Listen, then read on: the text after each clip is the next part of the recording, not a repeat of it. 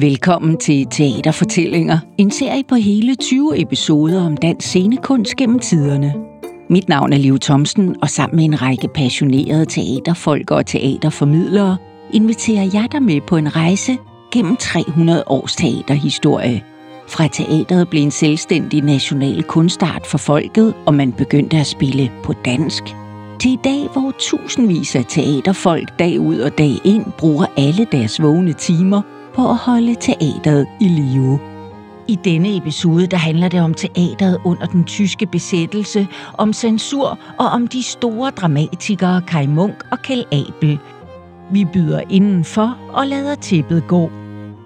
Jeg hedder Rikke Rundsten og er museumsinspektør på Storm, Museet for Humor og Satire, som er en del af Frederiksberg Museerne. Og øh, så anmelder jeg teater for Berlingske Tidene, eller Berlingske hedder det bare, undskyld, øh, og øh, har også skrevet nogle bøger om blandt andet Stig Lommer, Kås og Lisbeth Dahl.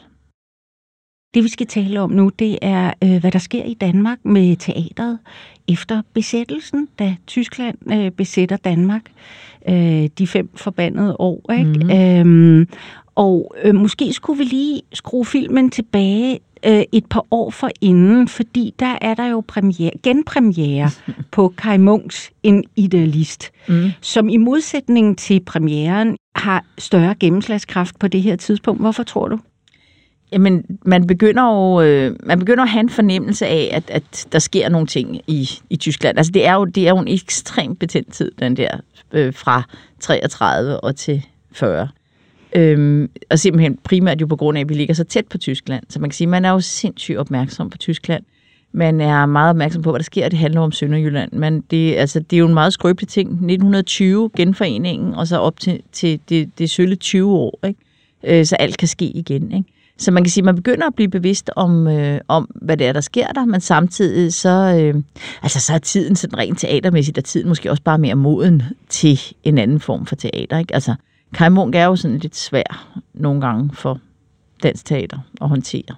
Han er sådan lidt en havkatte hyttefad, ja, ikke? Han, altså han er meget storladet, og han er, han er jo også sådan, selv når man ser moderne opsætninger af ham, altså det er meget, det er meget sådan voldsomt på en eller anden måde også, ikke? Så, det, så det er på sin vis meget udansk, samtidig med, at han er så dansk. det, er det, der, det er jo sådan lidt det, der er med det, ikke? kan man så sige også. Så på den måde, så er det, øh, ja, så, så er tiden måske også bare ligesom kommet. Vi er også kommet længere, ikke? Og der har jo i nogle år på det tidspunkt været en meget, meget stærk kulturkamp, der ja. har raset i Danmark. Absolut. Ikke? Ja. Øh, hvor placerer han sig i den? Er han bare præsten øh, fra, fra Jylland, eller er, er, han, er han midt i det? Eller? Altså han er jo... Øh... Han er jo ret populær her Ja, han i er nemlig meget populær. Ja. Ja. Øh, jamen han er lidt præsten fra Jylland. Det kommer nok an på, hvem du spørger, kan man så sige. Ikke? Øh, fordi han er nemlig meget populær, og derfor så er det jo også klart, at han er også en, man regner med Ja. Øh, men, men han passer jo heller ikke ind i den der, altså, nu lyder det sådan meget nutidigt det her med eliten, og, og hvem, hvem er det, der bestemmer parnasset, ikke? Og man kan sige, i, i storbyen, i, i det teatermiljø, der er omkring København, og dem, der måske ligesom er de førende og de toneangivende, det er jo nogle meget andre end Kai Munk, kan man sige. Fordi der er vi over i netop øh, Kalabel og øh, en Paul Henningsen, den her kulturret, gruppe af kulturradikale, øh, kunstnere, som også sidder på, øh, som jo også sidder på revyen, kan man sige på den måde, ikke? Hvor at Kai Munk, han har jo en anden form for, for det der nationaldramatiske, som, øh, som man ikke er så vild med i den gruppe. Øh, han er jo ikke... I dag kan vi jo godt se, at han også har forandret dramaet. Vi kan godt se, at han også laver en anden form for teater. Men, men på det her tidspunkt, der er det ikke, altså, der er det jo mere den her inspiration fra Tyskland, fra Bertolt Brecht for eksempel, øh, som, man, som man ser på. Det er jo ikke lige der, Kai Munk ligger han er jo bare et stort paradoks. Han er altså, et paradoks. Ja, det, det er, er han virkelig. Jo. Altså, og, og det, der jo er her på det her tidspunkt, det er jo som, som bekendt, at han flytter, mere ja, end flytter ja, måske, ja. med nazismen. Altså han flytter, vel, han flytter vel egentlig ikke på den måde, kan man sige, med selve nazismen nødvendigvis, men han flytter jo med det her store mand-syndromet. Ja. Ja. Øh, og det ligger jo også meget i tiden. Det kommer man ikke udenom. Altså, fordi man kan da også godt sige, om ikke Stavning er vores danske svar på den store alfaderlige mm. skikkelse, mm. der kan redde os ud af det hele. Ikke? Øh, der er andre lande, der har det samme på den måde. Ikke? Øh, også demokratier. Ikke? Churchill er jo også en stor mand på den måde. Ikke? Men, men det er klart, at han flytter sig især med, med, med dem med de fascistiske, øh, lidt mere diktatoriske tilbøjeligheder. men jo især faktisk Mussolini, mere end Hitler næsten. Ikke? Han er jo især øh, meget begejstret for Mussolini. Ikke? Den der lille forskel, der ligger på de to, øh, holder han lidt fast i, kan man sige. Ikke? Og derfor er det jo også, at, at og det, sådan, er det jo, sådan er det jo en del, der, altså for, for en del er det jo sådan, at Hitler ligesom taber terræn, da, da det med jøderne begynder at fylde mere og mere. Ikke? Altså der, der, der kommer den lidt over, der kommer den over for mange mennesker, ikke? i det hele taget. Og det tager Munk jo ret hurtigt ja, afstand det tager han fra, ret hurtigt afstand fra. Ikke? Og så kan man så sige, at, at det der jo så altid har været diskussionen, fordi man, altså, han bliver jo martyr øh, i 44, øh, og, og for mange sådan sidenhen har der jo så været den her, der hedder, at, der var Kai Munk, det var bare ham nazisten, jo mere eller mindre, han var røget fuldstændig ud. Ikke? Øh, og der kan man så sige, at han laver jo den her kovending, i, øh, da, da Danmark bliver besat i 1940. Ikke? Øh, og især med øh, den berømte Ollerup-tale, hvor han jo sådan set undsiger øh, nazismen og, øh, og besættelsen af, af Danmark, øh, men hvor han bliver citeret forkert øh, i, og det er Per Stig Møller jo, der i sin bog om Kai Munk, ligesom har fundet originalen og fundet ud af, at han egentlig bliver citeret forkert jo i, øh, i et referat. Øh, jeg tror, det er en lokal, jeg tror, det er Fyns Stiftet, og sådan en lokalavis, der gør det. Øh, og på den måde egentlig kommer til at fremstå ret modsat i forhold til, altså mere sådan som hyldende i forhold til, hvad han egentlig er.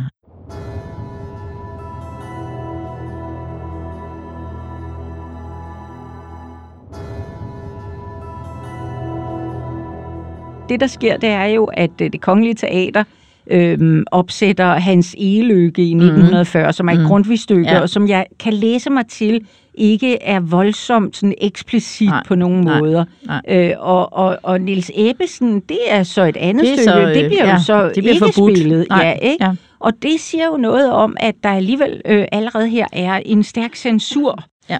øh, kort tid efter besættelsen. Ja. Ikke? Øhm, I en forrige episode, der har vi talt om revyen øh, i 1880'erne øh, under Estrup. Mm. Øh, øh, øh, her, der øh, kan man mildest talt også tale om, mm. Mm. om censur. Ja. Øh, og en revy, der vel prøver at omgå den med alle Ja. mulige midler. Ikke? Lad os hoppe fra, fra det kongelige teaters scene så til, til revyen. Øh, altså man kan sige, teatercensuren har jo været der, som sagt, i, som vi talte om før, i mange år. Og øh, siden 1920'erne har teatercensoren hed I.C. Normand. Og han, er, øh, han står så der i 1940 og får en meget ny opgave. Og som, som det jo selvfølgelig er sådan en teatersensor, han er jo ikke verdens mest populære mand i, på teatret. Og hver- det gælder både revyen, og det gælder alle mulige andre steder. Det er jo super irriterende med en mand, der vil ret i det, man skriver. Ikke? Øh, men da, den skifter jo faktisk fuldstændig, den der, i, øh, i 1940, fordi Normand, han formår på en eller anden måde at, og, øh, at balancere. Altså, jeg ved ikke, hvordan han gør det, fordi det er faktisk ret vildt. Altså, det, er sådan, det må virkelig sådan være drømmen af en embedsmand, kan man sige, på en eller anden måde. Han formår simpelthen at balancere, at det går igennem i forhold til tyskerne, så der sker ikke noget med nogle af de her kunstnere jo. Altså, man kan sige, jo, der sker noget med Kai Munk, men det, gør han, det har Nordmand ikke noget at gøre med. Øhm, men, øh, men samtidig så får de jo lov at sige ret meget. Mm. Altså, de får lov at gå ret langt. Øhm, og det er selvfølgelig, det er især hans censur af revyteksterne, som, som er meget berømt. Øh, men han har selvfølgelig også fingre i andet, det er jo mm. ikke det. Men, men det er især revyens øh, ting, hvor han, øh, hvor han er enormt, øh, hvad skal man sige, hjælpende. Han er sådan en form for dramatur og sparringspartner. Øh, vi har Kan, på, kan du nævne nogle tekster, Ja. han lader slippe igennem? Lad os slippe igennem. Ja. Altså, vi har jo på museet, og har vi, øh, har vi hans arkiv.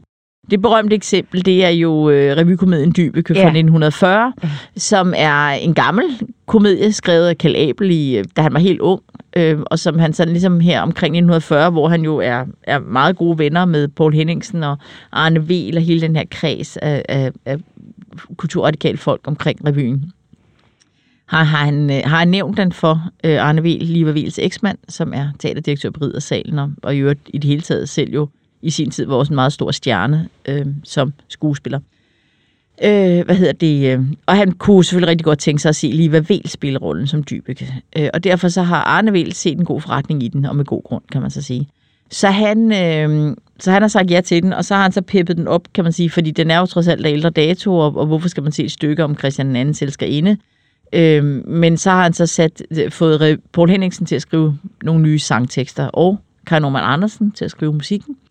Øh, og for det ikke skal være løgn, så er det så Schönberg, Schønberg, der spiller Christian den anden. Så man kan sige, at Arne Wiel står simpelthen med The Dream Team over alle nogensinde i, øh, i, på Riddersalen i, øh, i maj, eller hvad hedder det, i april 1940. Men 9. april skal de have læseprøve, og øh, teksterne er sendt ind til Censor Nordmand, øh, og så står de jo der, flyene er kommet ind, og læseprøven er jo aflyst. De mødes, øh, nogle af dem, øh, på dagen der. Og Arne Wiel tror seriøst jo aldrig den her forestilling for premiere. Det kommer ikke til at ske. Historien fra Paul Henningsens side er jo så, at, øh, at teksterne kommer tilbage dagen efter. Det gør, eller det gør de, de kommer tilbage. Han er meget hurtig til at rette dem.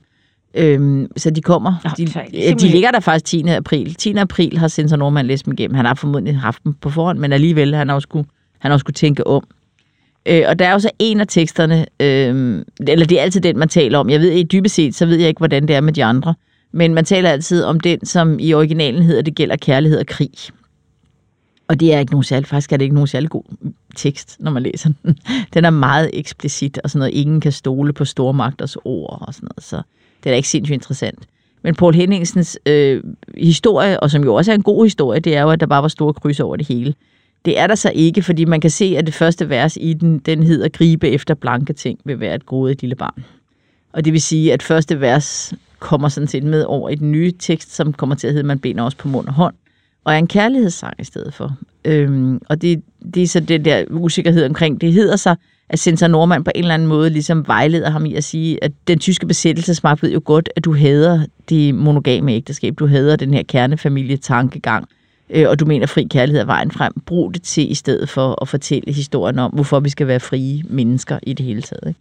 Øh, og det gør han jo så, og gør det jo på smukkeste vis, i man bener også på mund og hånd. Så sangen er jo også på den måde et kerneeksempel på, at, at censur altså nogle gange kan være det gode, når det i hvert fald er en censor nordmand, der er ind over. Fordi det bliver en så meget bedre vise end originalen. Men tror du, folk har lyttet øh, og, og, og hørt det budskab, som vi hører efterfølgende? Ja, det har de. Ja, det har de. Øh, og det, det ved man allerede fra... Øh, altså man kan sige, Arne Vel siger jo, at, at øh, han har sådan en... I sine erindringer, der siger han, at publikum øh, ikke klapper, men rejser sig op i stedet for i stillhed og hylde hende. Det står der ikke noget om i anmeldelserne. Det betyder ikke, at det ikke er sket. Det kan også være et spørgsmål om, man ikke har ville skrive det i anmeldelserne, for ikke at få, hvad skal man sige, lidt besættelsesmagtens opmærksomhed ind på den her vise. Ikke? Så, så, så det, kan være, det kan være en både og. Det kan også være, at Arne Wiel synes, det var en bedre historie i sine erindringer. Ikke? Men, øh, men der er ingen tvivl om, altså Oliva skriver også i sin dagbog det der med, at, det, at han har skrevet fantastiske viser. Så jo, man ved godt, at det er, man ved godt, hvad den handler om. Man forstår den med det samme. Og det er også, fordi man sidder i den situation. Altså man sidder jo, alt er jo alt er jo tænds, ja. ikke? Altså alt er jo simpelthen... Øh, så man, man, man, man suger, tror jeg også som publikum, hver lille bitte, bitte dråbe til sig, der kunne betyde noget andet. Ikke? Ja. Øhm, og det bliver, altså man kan sige, Paul Henningsen retter jo egentlig utrolig meget ind under besættelsen. Der er selvfølgelig nogle ting, det er så ikke dem, der er så kendte i dag, med så slår to hjerter sødt i samme takt og sådan nogle ting. Der er jo nogle krise, kritiske ting, men, men han skriver samtidig nogle af sine bedste tekster, men de er ikke specielt de handler jo ikke om, om krigen som krig. De handler mere om det her med, det er nu, vi lever, og vi ved ikke, om vi er her i morgen agtig med sådan en som øh, i dit korte liv, for eksempel, ikke? som mm. slutter med det der med Shakespeare-stormen citatet, ikke? med at den kommer før du tror, mm. den drømmeløse søvn. Ikke? Og, og det, er jo det, det kan jo være hvad som helst. Ikke? Kan man sige. Det handler jo lige så meget om det her med, jamen måske falder den der bombe i morgen ned over mm. vores hus, og så er vi væk. Ikke?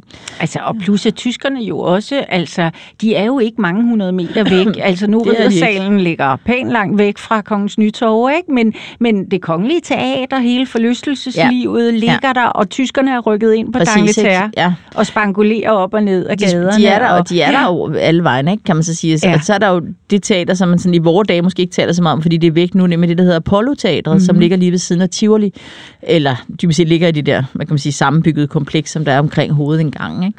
og hvor øh, komponisten Åge Stentoft er teaterdirektør på det her tidspunkt.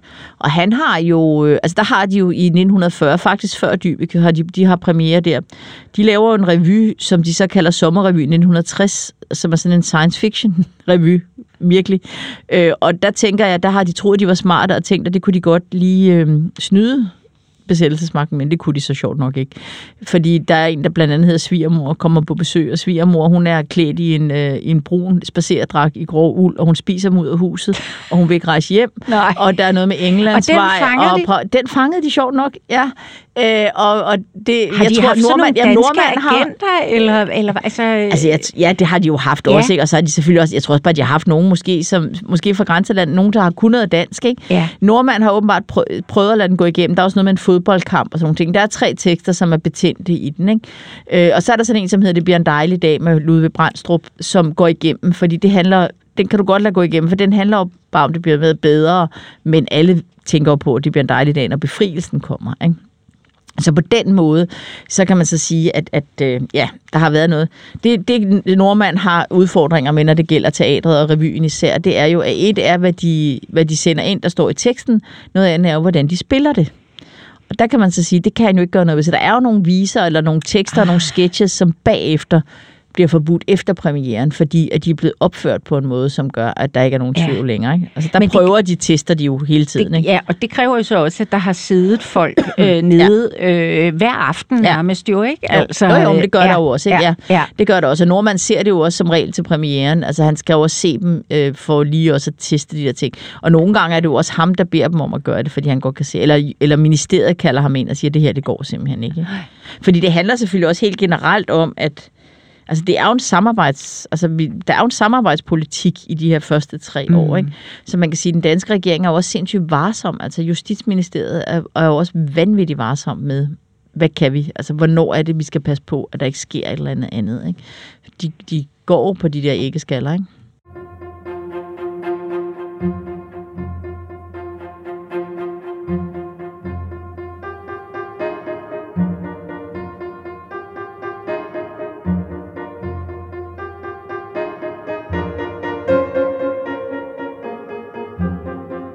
De værker, der også bliver opført inden besættelsen, men, men øh, nogenlunde samtidigt med Kai Munk, det er jo netop Abels, mm. Kjell Abels, Ja. øh, Anna Sofie Hedvig mm. øh, i 39. Hvordan bliver den modtaget, altså, øh, og hvad afspejler den på det her tidspunkt? Altså, den elsker man jo. Ja, Øh, det er det. den elsker man jo. ja. Øh, Og det der er så ironisk ved den, jeg kan, jeg kan huske i sin tid, jeg undrer mig så meget over, at det var den, man valgte til at komme i kulturkanonen, Ja. for den er så lidt abelsk, når det kommer Ja. til stykket. Ja. Budskabet er reelt nok, men den er jo, han skifter jo fuldstændig dramatikerkarakter fra at være sådan eksperimenterende og netop briks og, og mærkelig og specielt i forhold, meget moderne i forhold til den tid, Ja. så går han tilbage og er fuldstændig naturalistisk. Så nærmest Ibsen, det er jo dagligstuen, og så den der skolestue. Ikke? Bliver, bliver den opført på det kongelige? Ja, den er på det kongelige teater ja. med Clappen Tobidan Ja, nå, okay. i rollen. Yes. Ja, som, øh, hvad hedder det, heldinden. ja. Øh, og øh, hvad hedder det, øh, og, og på den måde er det, at, altså den, den er meget tydelig, den her, det, han bruger sådan den spanske borgerkrig, kan man så sige, øh, og det er måske så det, der også gør lidt, at, at, øh, at den også kan gå igennem på en anden måde, ikke? Altså, der er jo krig i verden, ikke?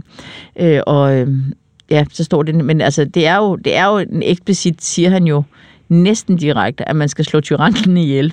Han er øh, øh, tidligere teatermaler, Ja. øh, og har sit store gennembrud i Riddersalen netop øh, med Melodien, der blev væk i 1935, øh, som handler om den lille Larsen, og øh, øh, som bliver en kæmpe succes.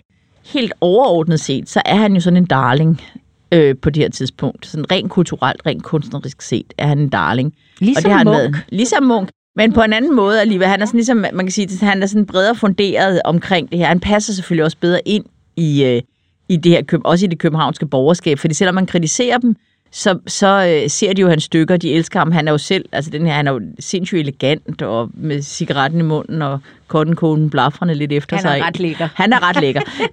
øh, så man kan af når man ser billeder af ham, så ser han vanvittigt godt ud. og, ikke? Og sammenlignet med Kai Munk, der har Præcis, den der, den der går rundt med en sort duenakkede studenterhue. Ja, lemmedasker, ikke? Ja, altså Kai Munk er bare sådan en, hvor man tænker, åh, ja, Ja, altså du, ja. ja. du passer bare heller ikke rigtig ind nogen steder. Jeg kan godt se, altså det, det der med, ja, der, der er så meget, der foregår i ham, Ja, ja, hvor man kan ja. ja. sige, Kalabel virker sådan meget mere kontrolleret, ikke? Ja. Men, men øh, så han, det, man har sådan fornemmelsen af, af cocktails og, og cigaretter ja, og, og lange klart. nætter, ikke? Med, med Kalabel, hvor at, at man mere har fornemmelsen af, at Kai Munk sidder på det der, i øvrigt, det ved vi jo, lille arbejdsværelse i, i præstegården i, i Vidersø og skriver, ikke? Men øh, fordi han er den her darling, så er han faktisk også blevet direktør for Tivoli. Han er også simpelthen blevet kunstnerisk leder af Tivoli på det her tidspunkt. Øhm, og hvor at, at de lamper, man stadigvæk kan se rundt om Tivoli-søen, det er jo faktisk Paul Henningsens mørklægningslamper, fordi han blev jo kaldt ind som arkitekt i haven Så man har sådan ligesom det her sådan drømmepar også her jo inde. Glassalen, den bliver så salboteret jo i, i 44, ikke? Øhm, men øh, hvad hedder det? Så, så, så der har han jo en del af sin energi liggende, og også en del af sin, øh, sin arbejdstid liggende der.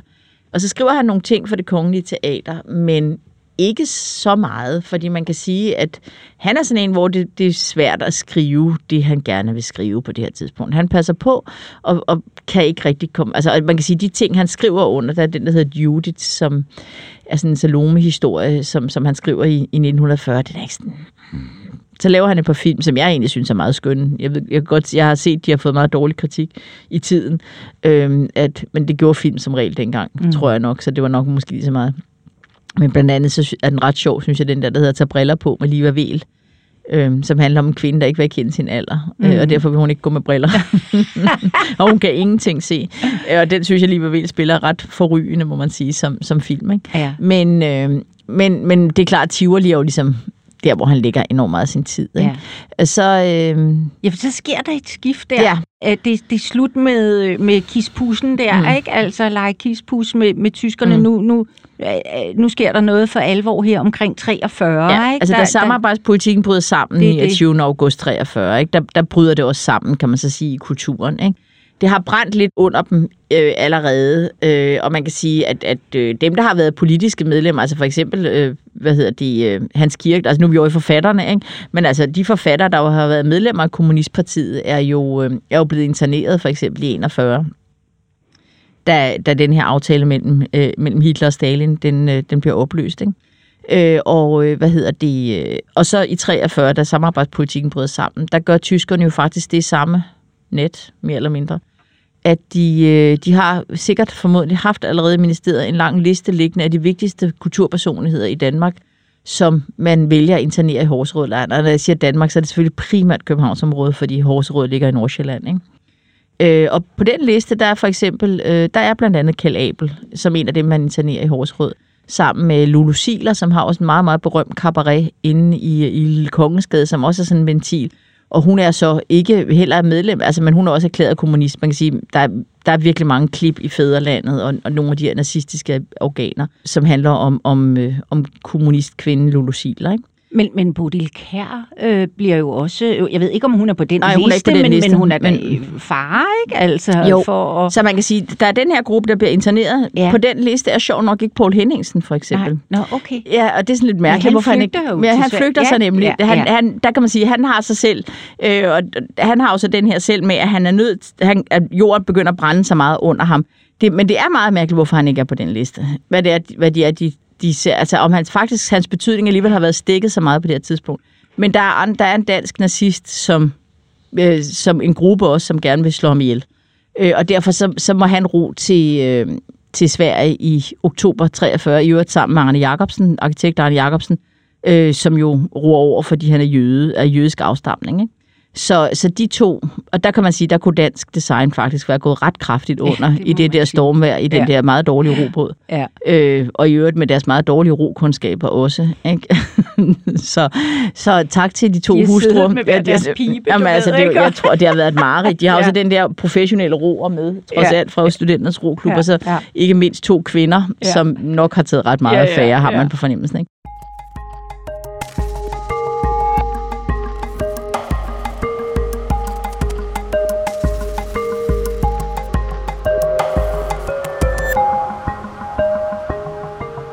Men Rikke, det der sker, det er simpelthen, at, at nu, øh, nu brænder det ja, under, brænder det under, øh, altså under ja, ja, teaterfolk, ja, øh, under forfattere, ja, øh, you ja. name it, ja. hele, det, hele, den hele kulturelle det, klasse. Ja, ja. ja. Hele den der bærende klasse inden for, for, for, og der er teatret fylder jo rigtig meget i den, fordi de ja. er så synlige yes. også. Ikke? Så man kan sige, de er jo enormt nemme at udpege som værende, hvad laver de, og hvem er de, og sådan nogle ting. Ikke? Øh, og, og, og der sker jo så, øh, hvad hedder det... Øh, altså, der sker jo så det, at de, de kommer ind, og de er der så i nogle måneder. Det er jo ikke, det, det er, hvad det er. Det er et fængselsophold, kan man sige, men det er jo stadigvæk ubehageligt, selvfølgelig. De ved jo ikke, om de bliver sendt videre.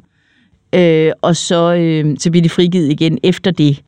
Øh, og der, øh, der fortsætter livet så. Men så, øh, da Kai Munk bliver myrdet i 1944. Den 4. januar. Den 4. januar. Efter hans nytårsprædiken, som er, er meget voldsom, og som meget fantastisk at læse jo altså også. øh, Øh, som, øh, som et udsagn om, om, hvordan verden er på det her tidspunkt også. Altså også simpelthen bare et autentisk indblik i, hvad er det, man slås med. Ikke? Øh, og, og Kai Munk har jo... Altså, det, han, og det er jo derfor, han er også en mærkelig skikkelse. Han har jo arbejdet frem mod det martyrium. Mm. Altså, det har han jo mm. gjort. Altså, altså at det, det er jo næsten vildt, at han ikke er blevet dræbt før. Altså, fordi... Og det er jo også det, der er blevet hans eftermæle. Fuldstændig, altså, ja, ja. Øh, ja. Altså, og, og det er derfor, jeg også har den her med, at, at det her med at sætte Lars Norén satte jo ordet op uden, mm. uden Gud. Øhm, for det kunne man godt, og nej, det kan man ikke, fordi Kai Munk er simpelthen så inkarneret i sin kristne tro, mm. og så det kan man bare ikke rigtigt. Mm. Altså, man kan godt, men, men jeg synes, det er forkert. Øh, men, øh, og, og det er det med martyret, som selvfølgelig kan være svært at forstå, fordi det er sådan meget munksk i det hele taget, ikke? Men det udløser jo, øh, det er jo en, en, en, en kraftig, øh, voldsom. voldsom reaktion. Ja, ikke? voldsom. Altså det er simpelthen, det er forfærdende, og, og, at, at, at det sker. Ja. Og han er 45. Han er, det er det, og han ja. har børn og præstegården, og han har været en, en, en skikkelse. Alle kender ham jo også. Han ja. har lavet alt muligt, ikke? Øhm, så, så han er også, øh, og de der børn, der er det der billede fra, der har været i billedbladet, hvor det er, hvor han leger med børnene i præstegården og ja. sådan noget ting. Så han har også lukket medierne ind. Han er også meget god til at brande sig. Altså det, det skal vi jo heller ikke glemme. Han er også, det kan han også. Øh, altså Anne, den blå Anemone, han har skrevet en masse, han har skrevet sange, digte, alt det her. Ikke? Det er jo virkelig Øh, og, og netop Nils Ebbesen, som vi nævnte før, som er blevet forbudt, øh, og, og hvor at, at man beder boghandlerne om at destruere det oplag, der er udkommet af den. Men det gør de jo ikke, så den har jo også huseret sådan illegalt mellem folk. Øh, men der sker jo så det, at, at da, man, da, da beskeden kommer om, om, øh, om drabet på Kai Munk, så er øh, blandt andet skuespillerne Ebbe Rode og Måns Witt, de prøver på alle måder, om de kan gøre et eller andet for, at det kongelige teater ligesom mindes ham. Og de kan ikke, de prøver at få Clara Pontoppidan til at melde sig syg, og det vil hun ikke, øh, med den begrundelse, at det vil være meget åbenlyst, hvorfor, og hun er ikke syg. Altså, der, der er en masse ting, sådan, der gør, at det bliver vanskeligt, og der er selvfølgelig også nogle af dem, der bare ikke rigtig tør det. Øh, og så på aftenen, så fortæller Ebbe Rode i, i nogle af sine rendringsbøger, at han, han står sammen med Måns Witt på det kongelige teater. Og der er Kjeld Abel så også kommet ind. Øh, og lige pludselig så er Kjeld Abel forsvundet. Øh, og det, der så sker, er, at han simpelthen bare selv tager affære. Så han går op på scenen, i øvrigt midt under Soyas. Øh, så det er ligesom de tre, de tre berømte dramatikere fra 30'erne mødes på det kongelige teater den her aften i, i januar 44. Og der går han ind. Ja, der bliver spillet et stykke Ja, der bliver spillet et stykke Soja, to, to ja. tråde, ja. ja. med Helle Virkner øh, blandt andet, ved jeg, på scenen.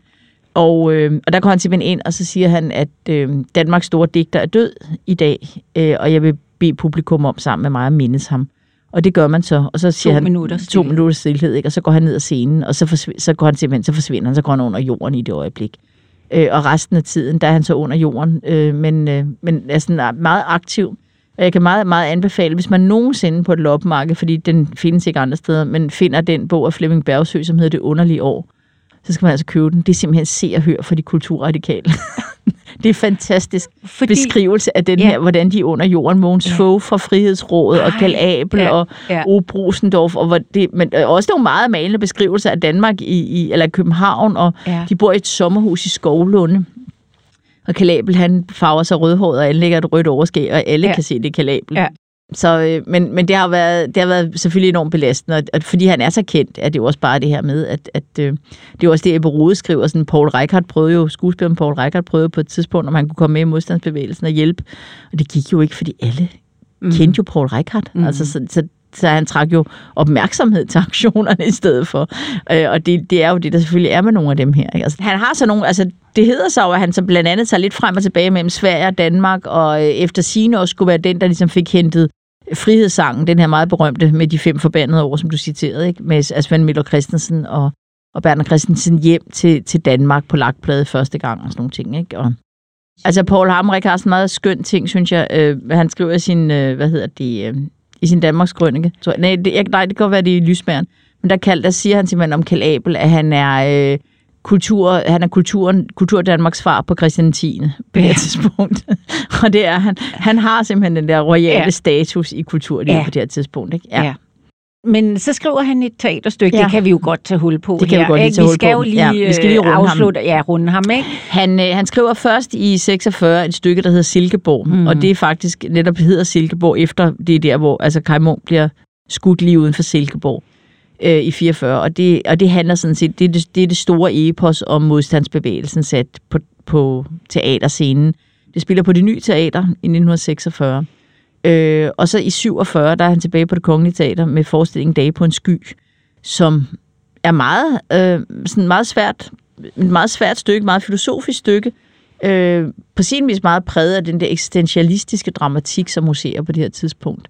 Øh, men som man læser meget klart som en støtten til, øh, til kommunismen, øh, til den kommunistiske øh, tankegang på det her tidspunkt, som jo den kolde krig er jo startet. Den starter mm. jo i, øh, lige efter besættelsen, eller lige efter befrielsen, kan man sige, og, og er ligesom for alvor sat på ord, da Churchill øh, taler om et jerntæppe, der går gennem Europa i 1946 allerede. Ikke? Så det er okay at være kommunist i 45, men bestemt ikke i 47. I 45 er de jo heltene. I 45 ja. har de jo kæmpe kanonvalg og, og alt det der, ikke? Men, men i, øh, i 47 er det bestemt ikke godt. Nej, på nogen måde. Og øh, det bliver så kun værre, kan man så sige. Så der starter simpelthen sådan en kold krig, som rammer Kjell Abel.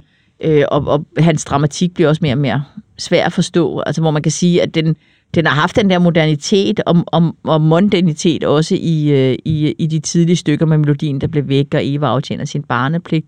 Men det har været til at gå til. Det har været specielt. Der er sådan nogle ting, og der er malerier, der taler, og skulpturer, der går ud af, går ned fra deres sokler og optræder på en scene. Men det er jo dog til at gå til. Men nu begynder det at blive også meget sådan tanketungt. Ikke? Altså, der er en revyvise, øh, som Brule Kær synger, som hedder Hvad kan Abels mening? Prøv at gætte den. så, så man kan sige ja. om Kalabel, at han i virkeligheden går fra en eller anden sådan, uh, let lejende, uh, kulturradikal ja. optimisme, ja øh, jo i virkeligheden til, jeg tror, der er, det er blevet sagt om ham, tragedie, og ja, måske ja. også martyrium. Ja. Ligesom ja, på sin vis, ikke? Ja. Altså på sin vis også. Men man kan sige, der sker jo lidt det samme også for en Paul Henningsen. Altså deres tid er på en eller anden måde også lidt forbi på det her tidspunkt, ikke? Altså det, det er også noget med det der skifte, der kommer efter befrielsen, at, at øh, eller med befrielsen, ikke? Altså man har også bare lyst til, at der skal ske noget andet. Altså, og der, hele den der politiske ting, den er man nok bare også træt af. Og det andet, det skal vi tale om i næste episode, Rikke. ja. Det var jo et stor, en, en storartet cliffhanger. Det, det. tak skal du have. Selv tak. Du har lyttet til Teaterfortællinger, en podcast produceret af Historieselskabet for Dansk Teater 300 år. Lyden den stod Per Buhl Aks for, og musikken den er fra Upright Music og i næste episode handler det om efterkrigstidens frede unge mænd og om det teater, der vokser frem af og kritiserer velfærdssamfundet.